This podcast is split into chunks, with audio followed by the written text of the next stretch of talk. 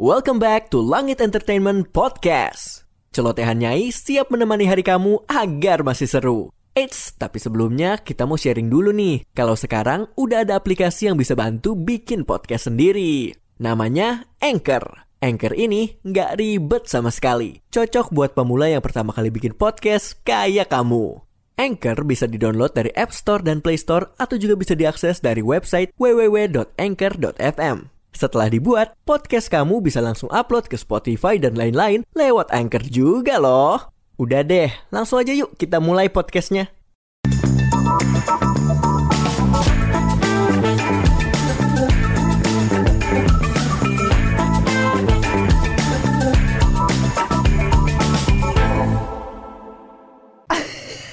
Kembali lagi di celoteh nyai.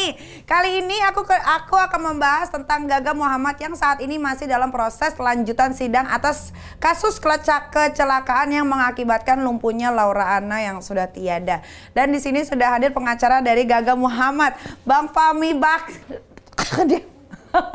Susah nggak sih namanya Bang? Bahmi Bahmi. Ah, Fahmi Bahmid. Fahmi Bahmid ini juga ini sekarang pengacaranya Gaga, bukan pengacara aku karena lagi nggak ada case, lagi nggak ada kasus ya. Aman.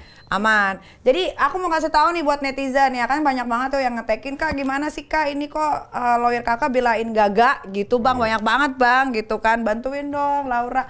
Bukan masalah gitu ya Gaga, uh, Gaga pakai bang Fahmi itu secara profesional. Jadi lawyer itu ada memang untuk membela mau dia membela yang uh, dilaporin ke atau yang terlapor itu memang udah pekerjaannya. Jadi jangan ngetek-ngetek uh, gua lagi ya untuk bilang uh, Bang Fahmi suruh stop belain Gaga itu bukan hak gua karena Bang Fahmi bukan cari makannya di gue tapi di semua orang yang menggunakan jasa dia dan dibayar mahal. Oke, ini ada artikel ya. Saksi tak hadir, sidang lanjutan Gaga Muhammad ditunda. Jadi bagaimana proses persidangan yang berlangsung tadi Bang Fahmi? Barusan tadi ya? Ya, jadi kalau tadi itu sidang sebetulnya adalah saksi yang harus dihadirkan oleh jaksa, yakni dokter yang menandatangani visum et repertum. Jadi kami minta dihadirkan karena saya akan cross check apa yang ada di visum dengan fakta yang sebenarnya dan apa yang saya punya datanya. Hmm, eh, Itu. tadi apa tuh visum Vi- ekstrik? visum et repertum. Jadi, Apa itu, Bang? eh, jadi itu adalah keterangan dokter yang terkait dengan proses hukum sebetulnya visum itu apa yang terjadi dia dia dia apa saja yang diceritakan yang dibuat. Nah, karena ada sesuatu yang sangat prinsip, saya minta dokternya didatangkan, saya mau cross check tentang apa yang Anda tanda tangani dengan apa yang data yang saya punya. Kita lihat nanti sidang berikutnya seperti apa. Sidang berikutnya kapan Bang? Hari Selasa tanggal 28 Abang ada lagi? pasti. Ada, oke Bang. Tadi ini eh, hari ini Gaga datang ke persidangan atau offline lagi Bang? Datang, jadi datang Eh, online. langsung offline ya, jadi datang dijemput sama jaksa, ya dia datang dia ketemu dengan media juga ada, cuma dia nggak- mau berbicara Nggak dengan ngomong. media. Tadi yang hadir ke persidangan siapa aja? Eh, kalau tidak salah ayah Gaga ada, ibu Gaga ada, tapi tidak masuk dalam ruangan sidang. Terus eh, Mm-hmm. Dari ada teman-teman beberapa ada teman-teman. teman-temannya Laura Dan ada temannya Laura juga banyak yang datang, termasuk ibunya Laura katanya saya baca berita ada. datang ya hari ini ya. Terus Bang, tuntutan dari keluarga Laura apa aja sih Bang kalau boleh tahu? Kalau somasi sih tiga kali itu terkait dengan uang ya 12,6 miliar. Nah itulah yang menjadikan eh, persoalan ini sampai ke persidangan.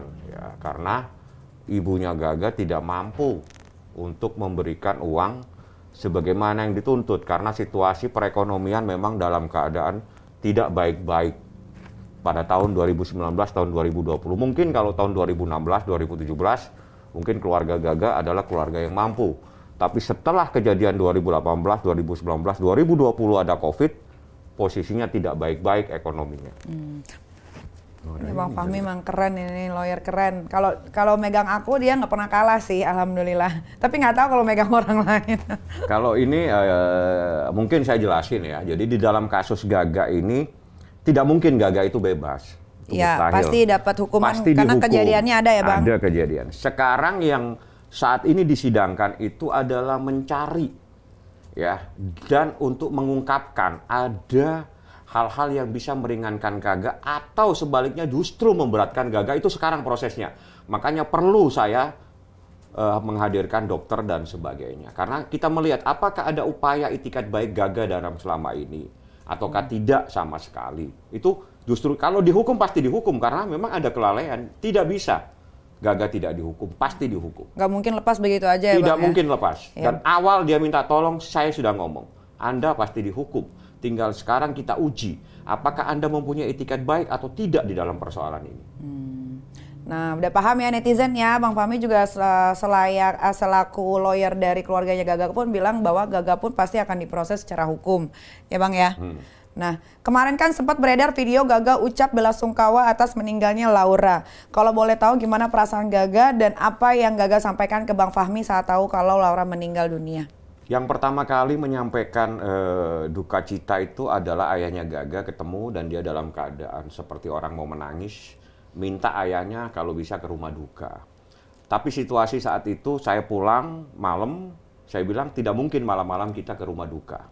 Mending besok pagi. Jadi besok pagi saya saya jemput ayahnya, saya bawa ke rumah duka. Saya melihat situasi di sana tidak memungkinkan untuk bertemu dengan ibunya dan ayahnya Gaga, ayahnya Laura. Akhirnya kita duduk sekitar setengah jam lebih. Saya bilang, Kang, kita tidak mungkin dalam orang berdoa seperti ini kita datang kita potong dia punya kegiatan ibadah. Udah, kita balik saja. Karena cukup kita hampir setengah jam lebih kita duduk di sana, seperti itu. Hmm, Berarti nggak sempat ketemu sama orang tuanya Tidak Laura? sempat karena memang orang tuanya di de- dekat eh, Laura. dekat Laura di makam situ di tempatnya. Tapi sempat lihat Laura juga nggak? Sempat, sempat Laura tapi tidak langsung ke sana kan ada ada Eh, layar ya? layar segala Iya, iya. macam dan ada yang lagi ibadah ya, Ya, ibadah tidak mungkin kita potong di tengah jalan karena kalau datang ayahnya gagak pas di sana, saya yakin itu pas prosesi ibadahnya mungkin terganggu dan ini kita tidak mau seperti itu. Kita ambil sikap, ayo kita balik, tapi cukuplah kita ada di sini. Oke oke. Nah saat itu kan Gaga sempat mengajukan permohonan untuk bisa melayat Laura tuh bang, Iya. tapi ternyata tidak diizinkan.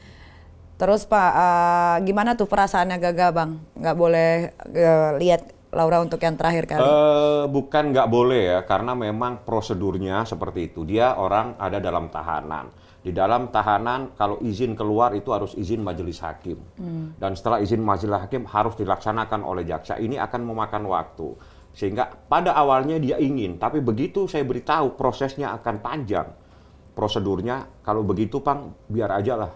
Saya berdoa saja untuk Laura. Jadi dia tidak lagi meminta supaya saya mengajukan proses untuk dibuatkan penetapan bisa untuk eh, apa? Melihat Laura. merawat, Iya, melihat Laura.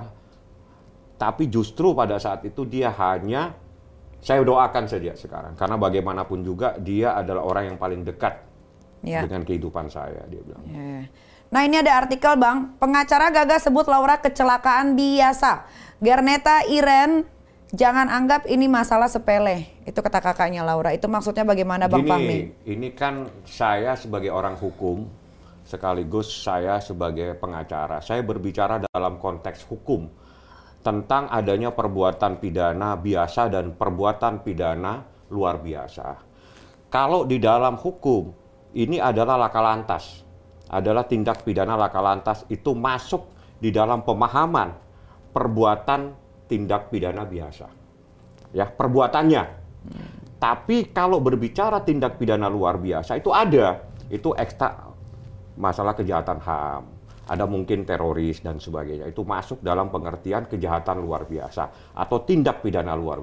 Inilah kalantas pemahaman frame-nya adalah tindak pidana biasa. Akibatnya, nah ini yang harus difahami. Kalau akibatnya itu macam-macam. Kalau yang ini kasusnya Laura akibatnya yang luar biasa. Kenapa? Ada mobil yang, ada orang yang dikatakannya lumpuh. Itu akibatnya luar biasa. Kalau perbuatan atau peristiwa pidananya adalah masuk dalam frame tindak pidana biasa. Biasa. Nah, ini yang harus difahami. Jadi, ada perbedaan antara tindak pidana biasa dengan akibat perbuatan. Kalau akibat perbuatannya yang kasus Laura adalah luar biasa. Luar biasa karena menyebabkan lumpuh katanya, Ya. menyebabkan mobil segala macam. Nah, itu yang frame dalam konteks hukum. Nah, itu bisa bisa di- bisa dibedakan antara perbuatan pidana biasa dengan akibat luar biasa. Oh, jadi maksudnya Bang Fahmi tadi itu ya, karena ini kan gara-gara Bang Fahmi bilang itu adalah kecelakaan biasa viral tuh Bang. Nggak apa-apa. Iya, viral. Sekarang saya jelaskan supaya Iya. orang paham bahwa di, di Indonesia ini ada yang dikategorikan perbuatan pidana biasa dan perbuatan pidana luar biasa. Iya. Ini laka lantas pemahamannya adalah tindak pidana biasa. Akibatnya adalah luar biasa yang Laura. Ada lagi mungkin akibatnya biasa, mungkin lecet. Nah, itu jadi akibat tindak pidana dan perbuatan pidana. Itu beda-beda. Nah, itu Bang Fahmi ngomong itu eh, perkataan itu adalah berdasarkan dari hukum. Jadi Bang Fahmi ini seorang lawyer, jadi dia mengerti banget apa yang dia katakan gitu. Jadi jangan salah sangka lagi netizen bahwa yang Bang Fahmi bilang biasa itu adalah sesuai sama kata-kata yang dari hukum ya Bang ya? Iya, jadi Ya. Konteks pidana itu ada tindak kejahatan biasa lah. Kalau bahasa Iya, iya. gampang itu kejahatan biasa dan kejahatan luar Iya. biasa. Ini masuk dalam kejahatan biasa. Akibatnya yang, yang luar biasa. Iya, oke. Tidak bisa, kita dipahami. pungkiri akibatnya. Iya, iya. Jadi Bang, Gaga ini bisa dijerat karena kelalaian yang menyebabkan kecelakaan atau enggak Bang? Ya, memang pasalnya 310. Jadi lalai menyebabkan kecelakaan dengan ancaman hukuman 10, 5 tahun. Lima tahun penjara? Iya, Oh, lima tahun penjara bukannya nggak bisa dipenjara Bang? bisa. Eh, Karena pas sudah sampai ke pengadilan ya? Iya, kalau di KUHAP itu eh, ancaman 5 tahun di penjara. Oh, oke. Ditahan. Oh, Bukan di penjara, ditahan, Ditahan, dia ditahan. ya. Iya, iya. Nanti di penjaranya setelah divonis.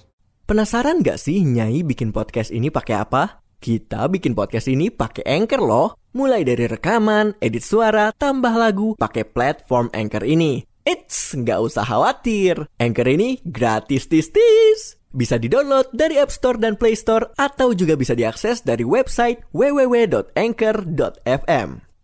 Ada tudingan juga dari Ge- Greta Iren kalau Gaga sengaja menghilangkan mobil yang menjadi barang bukti. Tanggapan Bang Fahmi bagaimana? Kalau barang bukti itu kan harus dalam konotasi harus ada penyitaan ya. Jadi barang itu disita, terus habis itu dihilangkan. Nah itu pasti jaksa tidak akan mungkin mau menyidangkan perkara ini. Tapi di dalam konteks kejadian kecelakaan ini adalah kecelakaan tunggal.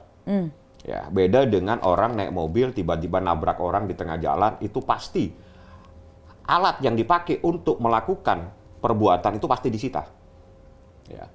Terus subjeknya yang melakukan tindak pidana pasti dihukum. Tapi di dalam kasus ini adalah laka lantas tunggal. Akibat dia lalai kecelakaan.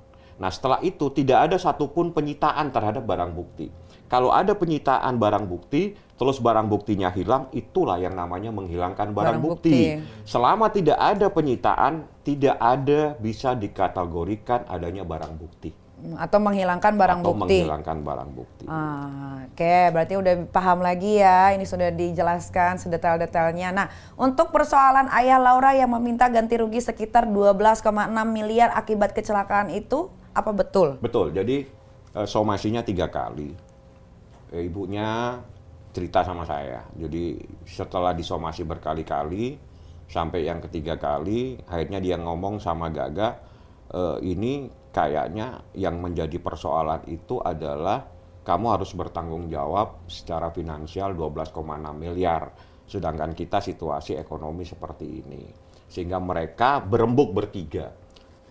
Gaga, mamanya, sama Bapaknya? papanya. Bagaimana tanggung jawab? Tanggung jawab seumur hidup adalah mengawinkan Gaga dengan Laura. Tapi apa yang dibahas oleh mereka bertiga itu tidak pernah kesampaian kepada keluarga Laura. Karena apa? Setiap datang itu yang ditanya sudah siap belum uangnya. Sehingga mau membahas sesuatu itu sudah tersendat di tengah jalan. Terkat bahasanya. ya, Bang? Iya, jadi tidak mungkin dia membahas sesuatu yang padahal yang di sini tekanannya itu beda. Tekanannya itu uang 12,6 miliar. Sedangkan eh, eh, yang di sini ingin tanggung jawab seumur hidup. Tanggung jawab seumur hidup adalah menikahkan anaknya. Tanggung jawabmu ini sudah harus kau tanggung jawab. Kau saya kawinkan. Itu sudah dibahas dan sudah oke. Gaganya oke, papanya oke, mamanya oke. Tinggal ini belum kesampaian. Kenapa? Setiap datang yang ditanya sudah siap uang atau belum? Karena tidak siap, hand off mereka angkat tangan. Berkali-kali dat- eh, datangnya Berkali-kali atau nanti di anu, berkali-kali di persidangan akan dibuka juga? akan terbuka semuanya ini. Oh, Kalau boleh tahu Bang, kondisi Gaga di sana sekarang seperti apa Bang? Karena banyaknya permasalahan yang harus dihadapi, belum lagi ditinggal sama sang kekasih yang sudah lama putus juga. Kalau Mantan Gaga- pacar ya jatuhnya nanti Kalau takutnya dipotong-potong. sih dalam keadaan sehat aja dan memang dari awal dia minta tolong. Sebetulnya eh, ayah Gaga itu adalah teman kuliah saya S3. Ya saya buka aja dan saya ketua kelas. Tahun 2020 dia telepon saya, Bang saya dapat somasi. Apa sih ini kasusnya saya bilang. Kenapa nggak nikahkan saja kalau kamu nggak sanggup secara finansial? Itu tahun 2020 nasihat saya. Setelah itu blank, saya tidak pernah berkomunikasi, tidak pernah paling ya biasa-biasa aja lah di grup ya, kan ada grup sendiri ya universitas. Tahun 2021 tiba-tiba dia datang, saya pas di daerah Jakarta Selatan, dia bawa surat, selembar surat, yaitu surat penahanan. Duh, saya bilang, Sep, ini kok lanjut aja kasusmu. Aku pikir tahun 2000 udah selesai. Enggak kan, ini persoalannya begini. Dia tunjukkanlah saya somasi 12,6 miliar. Oh ini penyebabnya, ini salah satu penyebabnya. Oke, sekarang apalagi? Dia tunjukin lah beberapa macam eh, kejadian. Ya sudah, nggak usah kau coba kamu ajukan permohonan lah untuk supaya tidak ditahan dan seterusnya ya saya ajarin aja saya nggak ikut-ikut sampai pada akhirnya dia bawa lagi surat dakwaan bang anak saya harus harus disidang saya butuh butuh abang satu-satunya orang yang paling dekat sama saya tolong turun tangan saya pelajari dulu saya lihat dakwaannya apa semua lah ini kan kecelakaan saya bilang siapa pun manusia tidak ingin mencelakakan dirinya Apalagi mencelakakan orang lain. apalagi mencelakakan orang Ya. lain. Tidak ingin. Oh ya, bagaimana saya bawa mobil celaka? Nah, itu itu nggak ada karena ini betul-betul. Kalau lalai iya lalai. Kalau dia minum iya minum. Tapi kalau dia mabuk, besok kita lihat dia mabuk atau dia ngantuk. Itu ada di persidangan nanti. Karena dengan logika dia dalam keadaan ngantuk atau mabuk tidak mungkin kalau dia mabuk tidak mungkin dia bisa bawa mobil sejauh 12 km seperti itu. Jadi dari tempat dia minum, dia jalan berapa itu ada nanti saksinya, dia makan. Setelah makan dia bawa mobil. Nah, kenapa terjadi kecelakaan? Karena dia kaget, tahu-tahu ada mobil di depan dia tidak ngincak rem, ngincak gas. Itulah yang terjadi. Dia injak gas langsung plak terbanting. Ada apa di antara dua orang ini di sidang nanti akan terungkap. Hmm, minggu kenapa, depan ya. Ya, kenapa ini seperti ini, kenapa ini seperti ini, terus bagaimana bisa dikeluarkan dari mobil, apakah belt dan sebagainya saya tidak bahas di sini karena itu bahasannya di ruangan sidang. Hmm. Sidangnya nanti. Ya, ya, ya, ya. Semakin memanas ya. Tapi Bang, kat- eh, kalau dipikir-pikir, somasi 12,6 M, 6 M ini kan tidak sebanding dengan apa yang Laura dapatkan. Kan Laura jadi lumpuh, direnggut kebebasannya juga, tidak bisa ke mana-mana. Itu menurut Abang gimana? Kalau berbicara uang saya nggak bisa tanggapin ya karena itu eh, eh, penilaiannya kan tergantung yang yang punya duit dan orang yang tidak punya duit. Sebetulnya saya hanya konteks untuk eh, bertanggung jawab. Waktu dia minta tolong kepada saya tahun 2020, udah saya bilang, Kang Asep, lu ngapain ribut-ribut? Ini sudah kejadian, ini sudah musibah, ada kecelakaan. Ada yang udah kawinkan saja.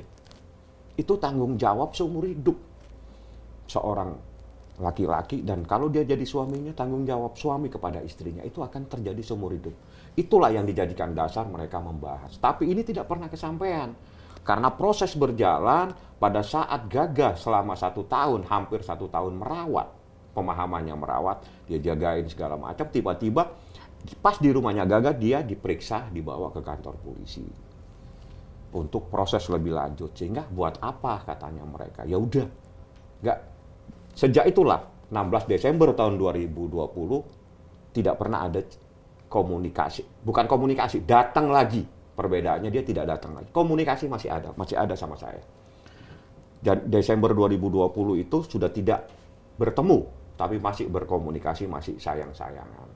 Setelah itu saya tidak mengikuti dan saya tidak tahu tidak ada juga bukti yang di- diserahkan kepada saya. Hmm, ya, ya. Ini ada artikel lagi Bang, gesek 6 juta dari ATM Laura Ana, Gaga Muhammad untuk bayar rumah sakit. Kabar ini lagi ramai juga dibicarakan netizen sepengetahuan Bang Fahmi, info yang didapat dari Gaga seperti apa Bang? Kalau itu kejadian jam 4 jam 4 ya, berarti jam 4 jam 5, mungkin jam 6 pagi ya. Di rumah sakit itu pasti setiap kita mau eh, dari IGD, kalau perlu kita perawatan, pasti kita harus membayar. Nah, di saat membayar, memang dia tidak pegang duit, dan saat itu jalan keluarnya adalah Pakai ATM pakai Laura. ATM, dan itu sepengetahuan Laura. Hmm, bukan dia colong atau Bagaimana diem-diem. nyolong? PIN itu yang punya adalah pemegang ATM. Bagaimana orang bisa menggunakan ATM kalau nggak kasih PIN? Kalau orang sudah memberikan PIN, itu berarti sudah mengizinkan. Itu logika. Saya tidak mau berdebat. Kita berlogika sekarang. Bagaimana orang bisa menggunakan ATM kalau kita tidak dapatkan PIN-nya? Memang PIN-nya sembarangan. Asalkan tidak, PIN pasti dari orang pemilik. Pada saat kita bisa gunakan ATM, berarti kita mendapatkan restu dari orang yang memegang ATM. Seperti itu.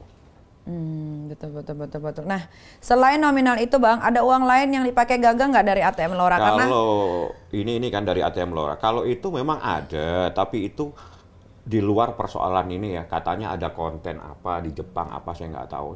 Jadi mereka ya yang beli handphone. Ya, ah, jadi seperti ya dia kan punya punya program ya. Saya nggak tahu apa ya nak.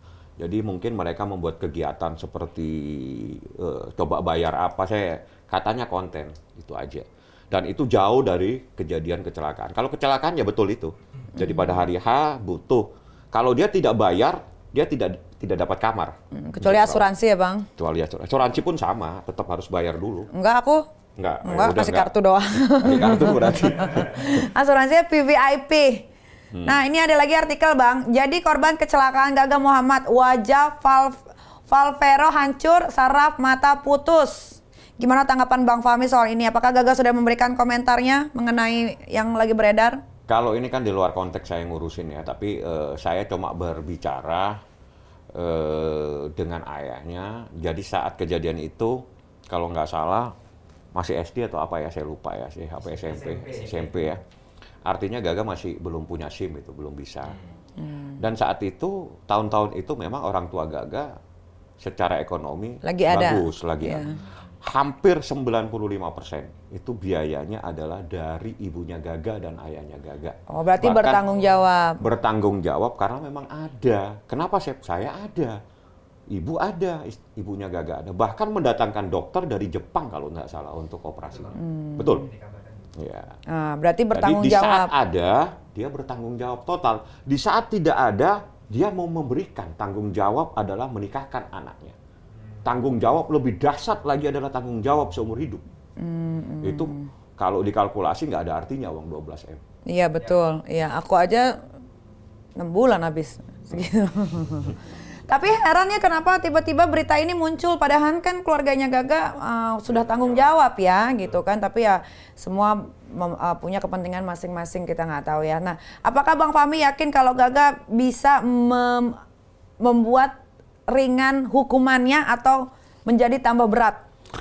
Kalau di dalam kasus ini kita bisa melihat itikat baik ya, itikat baik dan tanggung jawab seseorang itu kita lihat nanti pada proses persidangan Gaga, apa yang dilakukan Gaga, terus orang tua Gaga dan sebagainya.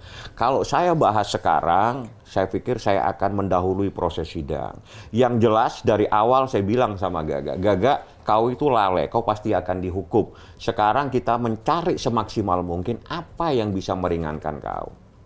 Itu saja. Oke, nah mudah-mudahan sidangnya berjalan dengan lancar dan semoga semua-semua yang mem- apa ya meneriakan keadilan untuk Laura juga mendapatkan keadilan yang seadil-adilnya. Ya Bang ya. Siap.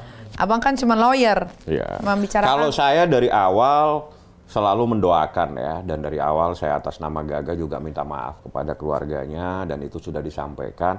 Ini musibah, ini sebuah kecelakaan, tidak ada satupun ingin. Kalau sampai ada sampai seperti itu terhadap Laura, ya itu mungkin eh, ada kejadian pada saat kecelakaan. Tapi siapa pun tidak ingin. Makanya saya bilang, Gaga kau harus minta maaf. Saya bilang gitu dan kau harus sampaikan semuanya karena ini tidak ada yang ingin seperti ini. Ya, betul Seperti sekali. itu, nggak ada seperti ini. Oke Bang, terima kasih banyak udah mampir ke Langit Entertainment Bang. Celoteh Nyai, ini ada sedikit kata-kata. Serumit apa pun sebuah masalah yang sedang dialami, percayalah bahwa kebenaran akan menunjukkan jalannya. Sampai ketemu lagi di Celoteh Nyai berikutnya. Bye.